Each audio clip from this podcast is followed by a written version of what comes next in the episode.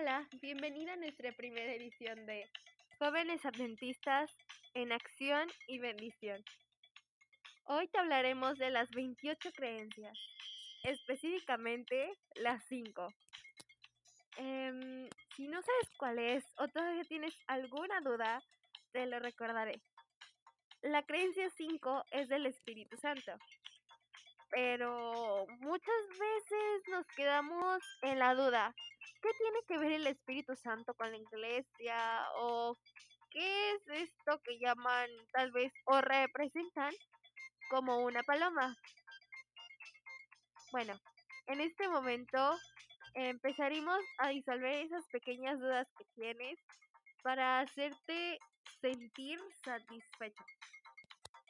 Lo vamos a llamar así, un superpoder a nuestra disposición. Ahora te voy a comentar la historia de un pastor que nos va a platicar más o menos qué se siente querer tener un superpoder y no tenerlo. Empieza así. Cuando yo era niño quería ser Superman. Tenía incluso un traje de color azul brillante con la S roja y amarilla del hombre de acero en el pecho y una capa color fuego que se sujetaba a los hombros con velcro.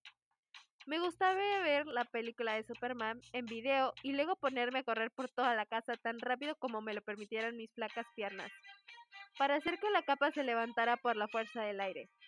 Mantenía las manos delante de mí como Superman lo hacía volar, y daba vueltas por el interior de nuestra casa, que era redonda y tenía un pasadizo circular en torno a una escalera central.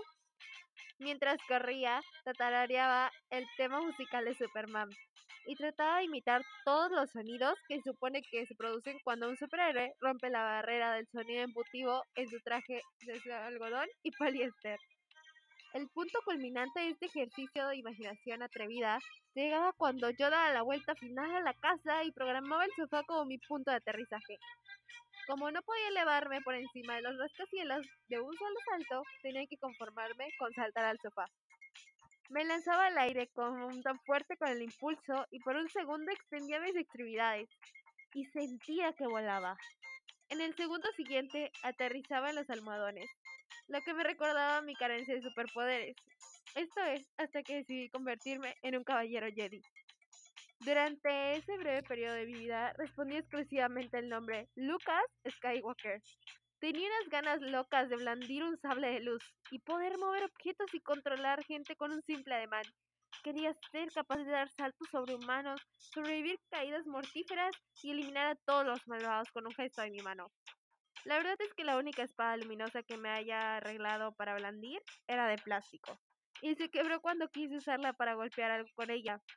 Todo lo que saqué con mis ademanes fue una, meca, una mueca, una muñeca, perdón, adolorida y siempre que quise eliminar a alguien terminé castigado. Simplemente el poder no estaba conmigo. Hice unos cuantos intentos más.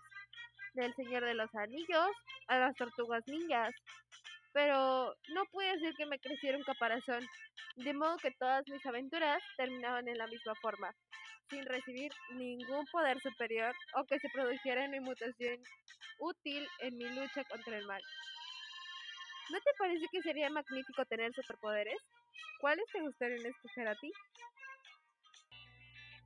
Ahora, cambiemos un poco de tema.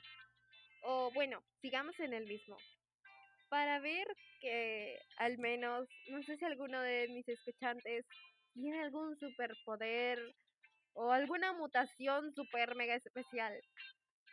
Creo que la mayoría no lo tenemos, porque lamentablemente no hay ninguno de los poderes que se describen en los libros de historietas o en el cine o alguna otra cosa. En cambio, la Biblia nos dice que podemos poseer algo mucho mayor que un superpoder. En realidad podemos tener poder sobrenatural. ¿Qué? Podemos tener el mismo poder sobrenatural que poseía Jesucristo, el mayor de todos los héroes de la historia. Piensa tan solo en algunas cosas de las que hizo Jesús. Te voy a rememorar algunas. Por ejemplo, son enfermedades incurables, venció la muerte, derrotó a los demonios, demostró que amaba a los que los odiaban y fue capaz de controlar leyes naturales. Mm. Pero, ¿cómo es que Jesús hizo todo eso? Bueno, porque desde su nacimiento hasta su resurrección, Jesús siempre estuvo lleno del Espíritu Santo.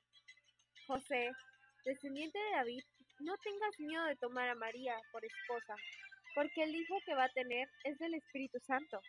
María tendrá un hijo y le pondrás por nombre Jesús. Se llamará así porque salvará a su pueblo del pecado. Mateo 1, 20, 21. Con esto vemos que desde el mismo comienzo Jesús tuvo en su vida al poderoso Espíritu de Dios, y desde el comienzo fue evidente que era poderosamente distinto a todos. A los dos años de edad, Jesús fue llevado al templo, donde se mantenían todos los sabios de los maestros de Israel. Estableció conversación con ellos y como resultado todo lo que dijo el niño Jesús. La Biblia nos dice, todos los que oían se admiraban de su inteligencia y de sus respuestas. Y cuando Jesús pasó a ser adulto en el río Jordán, por Juan el Bautista leemos, en cuanto Jesús fue bautizado, salió del agua. De pronto el cielo se abrió y Jesús vio que el Espíritu de Dios bajaba sobre él como una paloma. Mateo 3:16. Por terminar estamos, es verdad, estamos, por, terminar, por terminar. Vamos a hablar un poco más de qué ha causado esto en nosotros.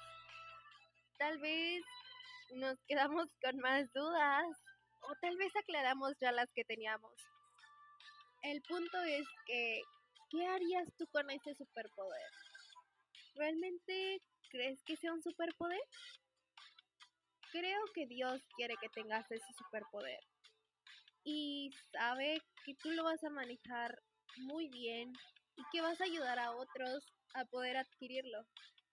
Sin embargo, em, el Espíritu Santo siempre va a estar ahí para ti y para apoyarte. ¿Cómo lo estuvo con Jesús? Lo puedes leer en la Biblia. Ahora, para ayudarte a concluir conmigo, te quiero invitar a obtener ese superpoder todos los días por medio de la oración y leyendo tu Biblia. Esto ha sido todo por esta edición. Te agradezco muchísimo que me hayas acompañado y espero volver a escucharnos.